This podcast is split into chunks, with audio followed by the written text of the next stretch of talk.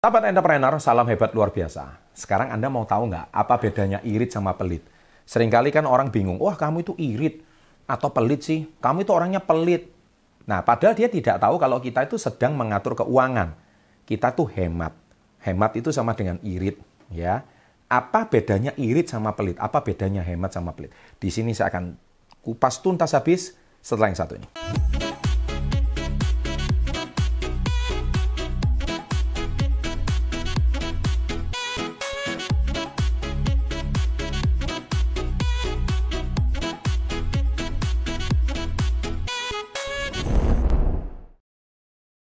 Oke, sahabat entrepreneur, saya sebelum bahas ini, saya mau ulas buku Success Before 30 halaman ke-83.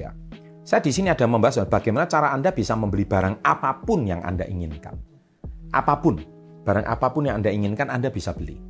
Ya, maksud saya apa pun itu dalam artian kebutuhan primer ya. Jadi kalau Anda belum punya sandang, pangan, papan, belum punya mobil rumah kita yang basic-basic dulu ya. Bukan berarti Anda itu mau beli mobil tank kah, atau beli pesawat pribadi nggak perlu sampai yang tersier seperti itu, tapi yang basic dulu. Ketika yang basic itu Anda pasti bisa beli.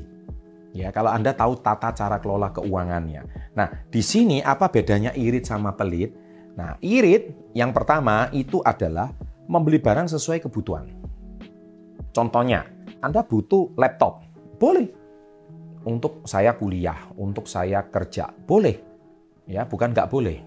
Saya mau beli smartphone yang bagus. Ya, tujuannya apa? Saya mau jualan online shop, uh, butuh kamera yang bagus untuk jualan. Boleh, bukan nggak boleh. Tapi sekarang rata-rata handphone harga yang 2 juta, 3 juta sudah bagus kok kameranya, setahu saya ya. Uh, poin yang kedua adalah suka beramal, itu read. Ya, saya ambil satu contoh kemarin. Saya itu kan termasuk bukan orang yang pecinta kuliner amat. Saya biasa-biasa aja masalah kuliner ada orang bilang beli kopi seharga 30 ribu itu wajar dan murah. Bagi saya beli kopi 30 ribu itu mahal. Bagi saya loh ya, sekali lagi. Level kayak saya pun ngomong 30 ribu itu mahal.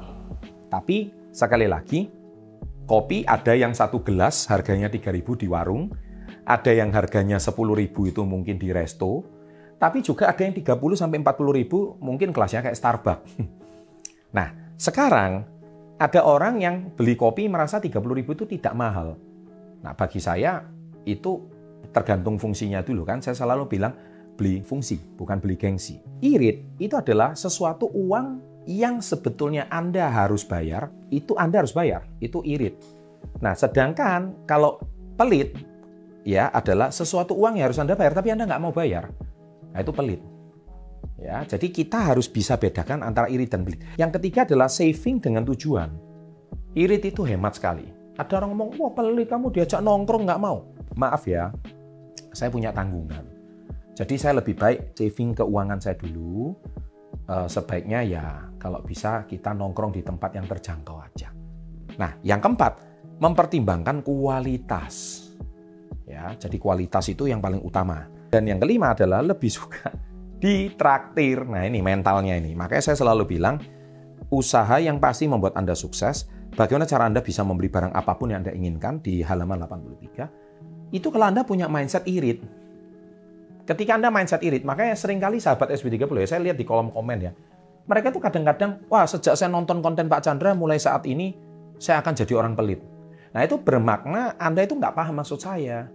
Maksud saya itu adalah menjadi orang yang hemat itu dengan kecerdasan finansial. Bukan berarti Anda itu harus menjadi orang yang foya-foya tanpa tujuan yang jelas dan tanpa pengelolaan keuangan yang baik. Nah dengan demikian sampai kapan pun kondisi keuangan Anda pasti akan carut-marut dan morat-marit. Demikian sharing saya. Masih ada lagi video empat tahapan finansial yang harus Anda lewati.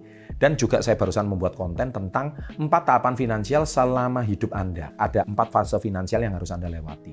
Jadi ada empat tahapan, ya ada empat fase. Kalau Anda lakukan itu, saya percaya Anda akan lebih cerdas dengan masalah finansial. Dan Anda asetnya pasti akan lebih banyak, pemasukan Anda akan jauh lebih efektif. Jangan lupa like-nya, komen di menit keberapa yang menurut Anda sangat bermanfaat. And always salam hebat luar biasa.